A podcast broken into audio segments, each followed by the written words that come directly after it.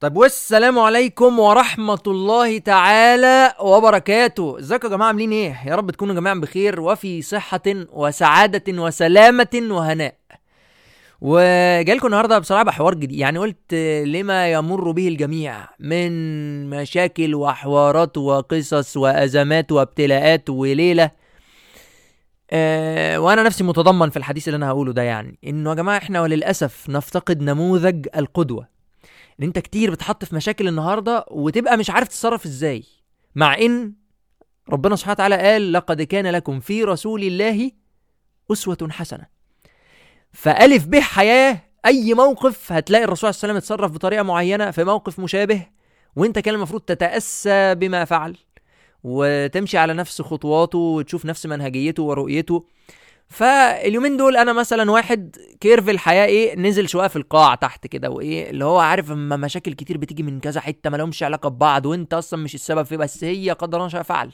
قدر الله عز وجل دلوقتي آه، زرجن. ماشي مفيش مشكلة. فبسرش عادي كده إيه أصعب يوم في حياة الرسول عليه الصلاة والسلام؟ يعني عايز أشوف كان بيتعامل إزاي مع المشاكل يعني.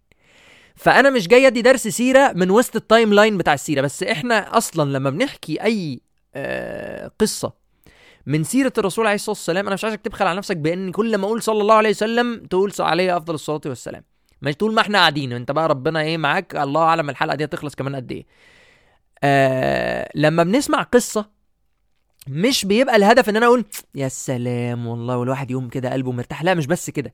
إن مش بنحكي قصص ألف ليلة وليلة دي بتبقى علشان تتعلم منها وتعرف ضحى قد إيه علشانك وتعرف الدين وصل لك إزاي بصعوبة. يعني يا جماعة تخيلوا ببساطة شديدة جدا إن أنتوا معاكم منتج.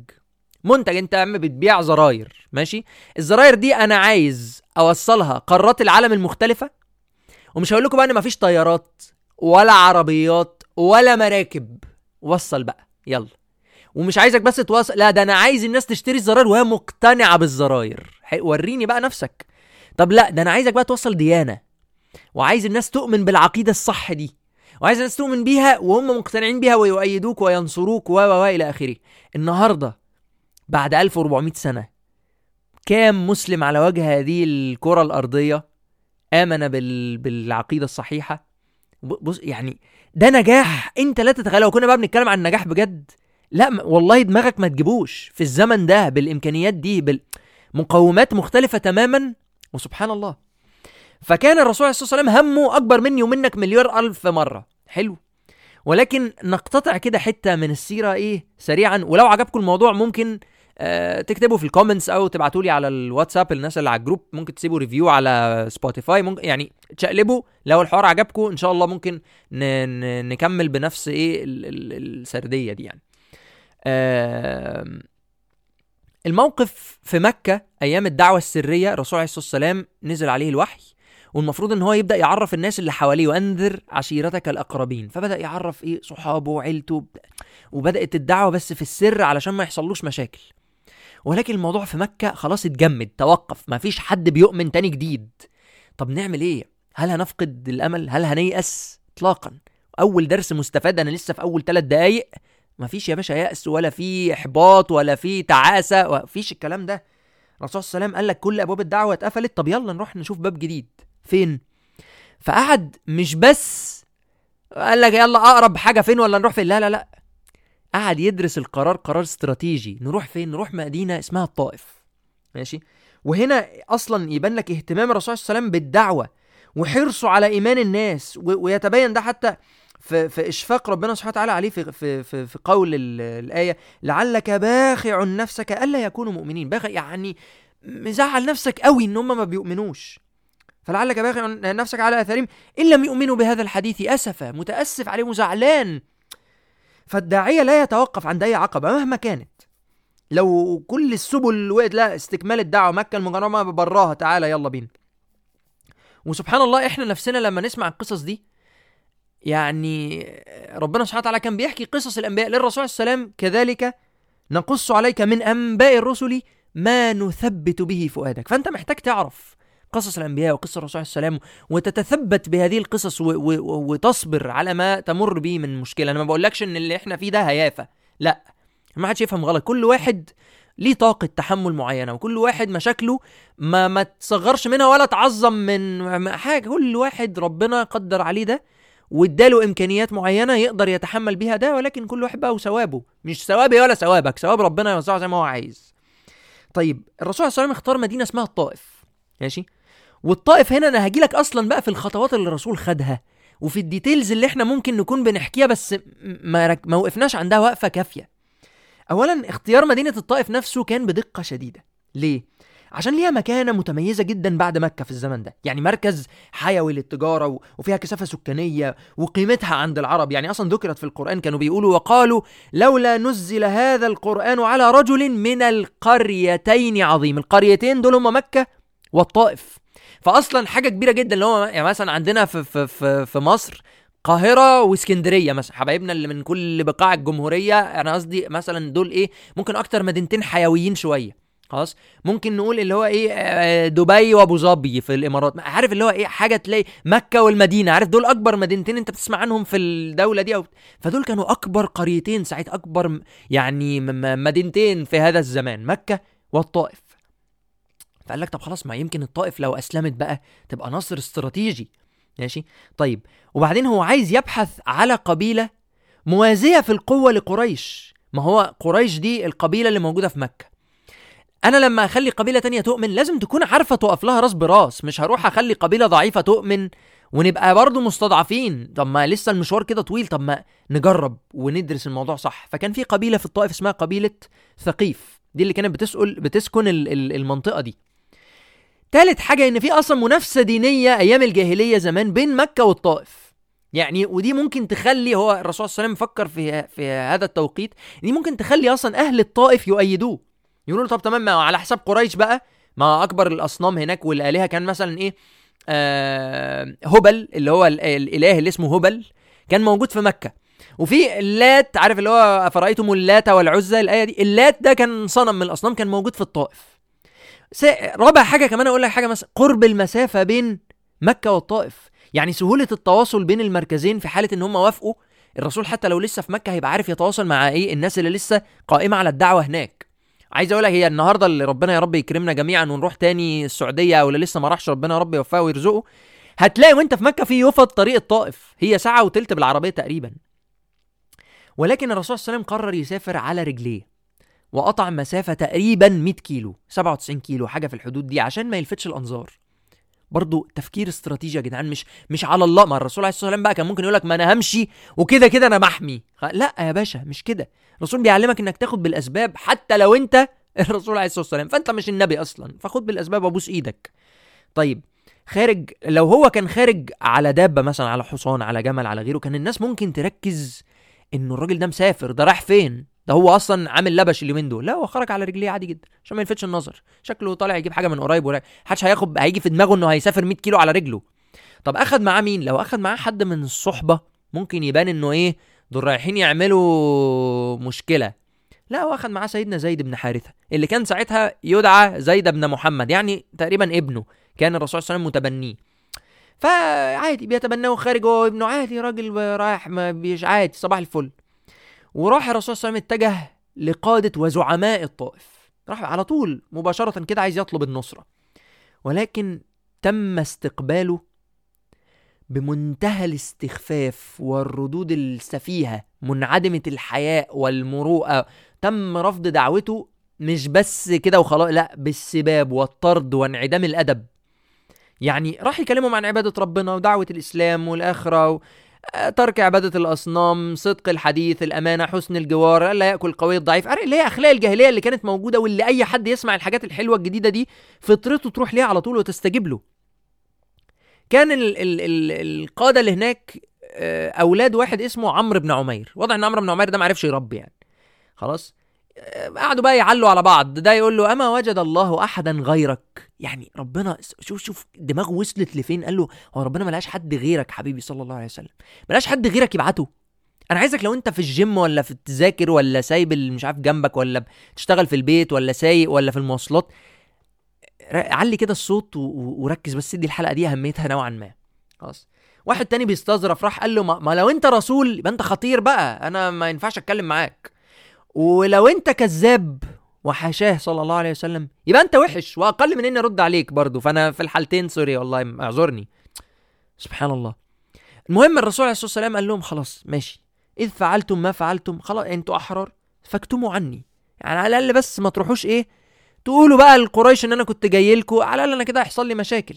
خلاص عشان إيه؟ قريش ما تعرفش على الأقل. قعد عشر أيام في الطائف يدعو الناس. يعني برضه مفيش يأس. قال لك القادة ما أمنوش. طب أنا هجرب أدعو الناس عادي. ماشي عشر أيام. يكلم الناس اللي إيه اللي ليها مكانة يمكن حد ينفع خبط على كل الأبواب. لحد ما القادة دول جم قالوا له لا لا لا أنت يلا بقى من هنا يلا من هنا بجد سبحان الله. وحصل عارف لما تحفل على حد يعني تجيب كده كل الناس التافهة الهايفة المجانين اللي مش عارف إيه العيال الصغيرة وتخليهم يحدفوا الطوب على حد ويطردوه من المكان. في في في في مهانة كبيرة في هذا الموقف. حبيبي صلى الله عليه وسلم تحمل الكثير والله العظيم. وهنا نقف إنه يا جماعة الدعوة قد تكون صعبة. و... وإن أنت تجتهد في أمر من أمور الدين مش دايما هتكون سلسة وسهلة و... لا خالص. أنت ممكن تلاقي قدامك عقبات كتير إنك بس تقوم تصلي. أنا واحد ما مثلا ما بصليش خالص. لا ده أنا هلاقيها تقيلة قوي على قلبي عشان أقوم أتوضى وأصلي و... أنا ما بفتحش المصحف خالص. أول فتحة دي تقيلة. ماشي. آه هي هتبقى صعبة. مين هيجاهد نفسه ويكمل ومين هيستسلم؟ دي قصص كبيرة. وجمعوا الحجارة وقعدوا يجروا ورا الرسول عليه الصلاة والسلام لحد ما فتحت رأس زيد رضي الله عنه و و و وتعور الرسول عليه الصلاة والسلام في رجله. خلاص؟ وإحنا يا جماعة إحنا والله العظيم بنفرط بنفرط إزاي بس في الكم الهائل ده من التضحيات اللي الرسول مر بيها. يعني الدين ما وصلناش بسهولة ابدا زي ما إحنا ممكن نكون متخيلين. آه لا يكلف الله نفسا إلا وسعها. يعني ربنا إحنا مؤمنين بالقرآن صح؟ ربنا قال لك أنا مش هكلفك بحاجة إلا ما أنت نفسك تتسع لأن أنت تكلف بيه. ولا قال لا يكلف الله نفسا إلا ما آتاها. ما آتاها من قدرات واستطاعه على تحمل المشقات والمصاعب. ولكن آه بتبقى, بتبقى برضه بتمر يعني بحاجة مش سهلة. أنت بتبقى في أي موقف حتى لو أنت قادر تعديه. وكتير يا جماعة عدينا من مواقف زمان كنا متخيلين إن هي دي آخر الدنيا وأنت دلوقتي ما افتكرتهاش غير بسبب إن أنا جبت سيرتها مثلا فأنت قلت يا سبحان الله والله شوف شوف كام حوار أنت قلت هي دي أنا كده حياتي وقفت هنا. شكرا checkpoint مفيش بعدها أي upgrade وعادي وعدت ونسيتها أنت أساسا. ف الرسول عليه الصلاه والسلام فضل يجري من الصبية اللي بيحدفوا عليه الطوب وبعد ما اتعور وأوذي وأصيب وقال لم أستفق إلا في قرن الثعالب. يعني من الهم مشي مسافة تقدر النهاردة بخمسين كيلو خمسة وتلاتين ميل تقريبا. خمسين كيلو ماشي من الهم اللي فيه شوف خمسين كيلو دي النهاردة قد إيه مشي. يعني افتح كده GPS وحط point على الخريطة بعيدة عنك خمسين كيلو وشوف هي جايبة لك ماشي قد إيه. تخيل إن الرسول صلى الله عليه وسلم من الهم فضل يتمشى المسافة دي كلها المدة دي كلها مش مركز ولم يستفق فقش كده غير في منطقة اسمها قرن الثعالب. فقال بس يعني يدخل على جنب كده منطقة فوجدوا جدار خلاص الاتنين من كبار كفار قريش بس كانت حديقة وفي سور كده دخلوا يقعدوا فيها يريحوا شوية هو وسيدنا زيد صلى الله عليه وسلم. فحصل آه الحديقة دي كانت بتاعة اتنين إخوات واحد اسمه عتبة بن ربيعة وشيبة بن ربيعة. ماشي كده؟ الرسول قعد فهم شافوه من بعيد فأمروا غلام عندهم كده عبد يدعى عب عداس. قالوا له خد عنقود العنب ده وروح اديها له ده شكله تعبان جدا. وهنا يا جماعة الرسول عليه الصلاة والسلام صعب على الكافر حرفيا. يعني إن إن الاتنين دول اللي بنتكلم عليهم عقبه بن ربيعة وشيبة بن ربيعة الرسول عليه وسلم كان بيدعي عليهم بالاسم. في غزوة بدر لما قتلوا كان بيدعي عليهم بالاسم. فأنت متخيل اتنين من أشد عتاولة الكفر في الزمن كله اللي فات؟ الرسول صلى الله عليه وسلم صعب عليهم. فقالوا العداس يروح يبعت له. والرسول صلى الله عليه وسلم آه بيقول لك أنا لما فوق لما فقت في في قرن الثعالب دي فإذ بسحابة فوق بيبص لقاها سيدنا جبريل. بيقول له يا محمد بص بص اسمع اسمع الكلمة رهيبة.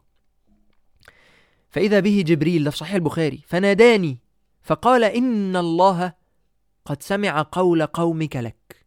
ربنا سبحانه وتعالى سمع اللي حصل.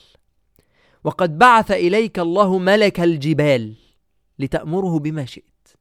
خلاص؟ لو عايز أؤمر يا باشا لأطبقت عليهم الأخشبين. في جبلين بيحوطوا مدينة الطائف دي. لو عايز هسفلتها لك. انت شو انت براحتك. وهنا بص بقى. العفو عند المقدرة بجد. هنا إيه؟ تتعلم كده إن أنت تكون راجل آه عزيز وكل حاجة ولكن لو في إيدك تعفو عند المقدرة. الرسول صلى الله عليه وسلم كان ممكن عادي جدا. آه آه, آه. زعلان منهم. وأوذي بسببهم ومش عارف أصلا هيروح فين. أصل خد بالك ده راجع عارف إن هم هيوصلوا الخبر لقريش. طب أنا أنا هروح فين أصلا؟ لا أنا كده عارف أرجع قريش ولا أنا عارف أقعد في الطائف. محطوط في موقف صعب جدا. ولكن قال له إيه؟ لا لعل لعل شوف لعل الله أن يخرج من أصلابهم من يعبد الله لا يشرك به أحدا. وأنا عايز أقول لكم إن مش بس ربنا خرج من أصلابهم من يعبد الله لا يشرك به أحد. لا لا لا لا. ده كان في يعني الطائف ده يا جماعة كانت زي المصيف بتاعت مكة. فكان في كتير من من كبار قريش ليهم أملاك هناك. زي عقبه بن ربيعة وشيبه بن ربيعة دول عندهم على الطريق حديقة. عارف لما تكون عندك إيه استراحة كده في نص السكة في الريست. لا ده في ناس كان عندهم هناك أملاك وعندهم حوارات. من ضمنهم واحد اسمه العاص بن وائل. العاص بن وائل ده خرج من صلبه مين؟ عمرو بن العاص. الفتوحات الاسلاميه اللي فتح مصر. اللي يعني يرجع الفضل إليه بعد الله عز وجل في إن إحنا النهارده بنتكلم أصلا في التوبيك اللي أنتوا بتسمعوه ده. من أصلاب الناس اللي كانت هناك دي. شوفوا رحمة الرسول عليه الصلاة والسلام. واحد هناك برضو من سادة قريش كان له أملاك كتير وكان عايش بين مكة والطائف يدعى إيه؟ الوليد بن المغيرة. مين الوليد بن المغيرة ده؟ أبو خالد ابن الوليد بن المغيرة. أبو خالد بن الوليد خرج من صلبه. خالد بن الوليد يعني سيف الله المسلول. مش يعني أنا مش مع... مع- خ- وفي أسامي تانية على فكرة. أنا بس علشان والله وما أرسلناك إلا رحمة للعالمين. صلى الله عليه وسلم. والله ما بالساهل. يعني موقف زي ده إن أنت تعديها كده دي مش حاجة بسيطة ابدا.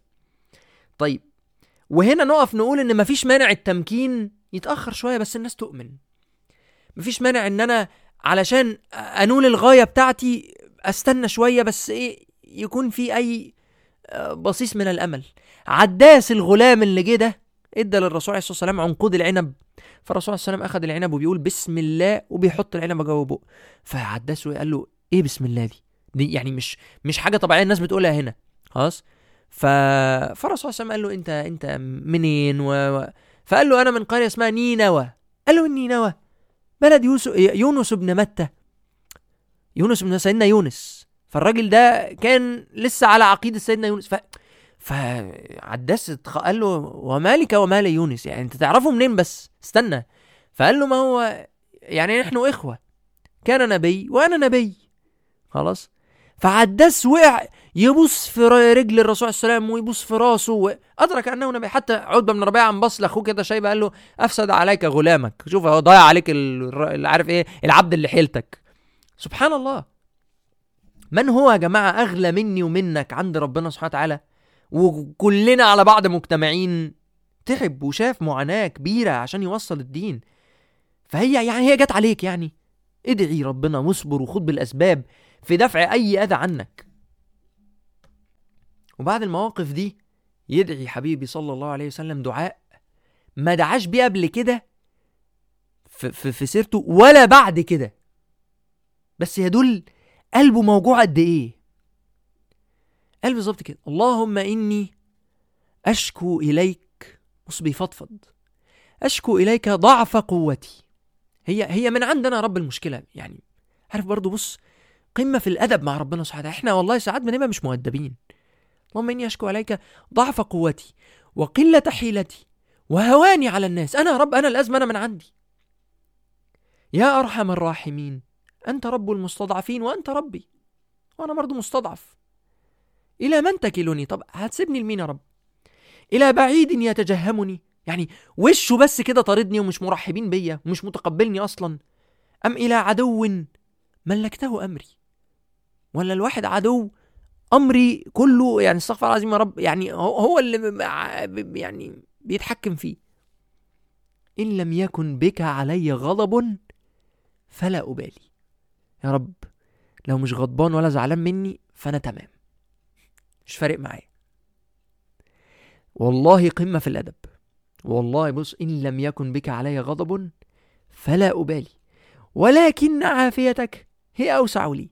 يا رب والله لو تعفو علي شوية في الأمور يبقى ده طبعا أيسر لي. أعوذ بنور وجهك الذي أشرقت له الظلمات. وصلح عليه أمر الدنيا والآخرة. من أن تنزل بي غضبك أو يحل علي غضبك. لك العتبى يعني لك لك الاسترضاء يا رب حتى ترضى. ولا حول ولا قوة إلا بك. لا حول ولا قوة إلا بالله. أذى الناس يا جماعة لم يغير من أسلوب وسلوك الرسول عليه الصلاة والسلام. وده تبين حتى بعد وفاة الرسول عليه الصلاة والسلام. قبائل كتير ارتدت. ما عدا كم قبيلة كده الأوس والخزرج هم في المدينة وقريش في مكة والطائف. لم ترتد. فأنت لا تعلم. يعني سبحان الله ثبتوا على الإسلام في زمن الردة. وقلنا من لم يكتفي فقط بقول لا إله إلا الله. يعني يا جماعة من صلب أبو جهل نفسه خرج سيدنا عكرمة بن أبي جهل.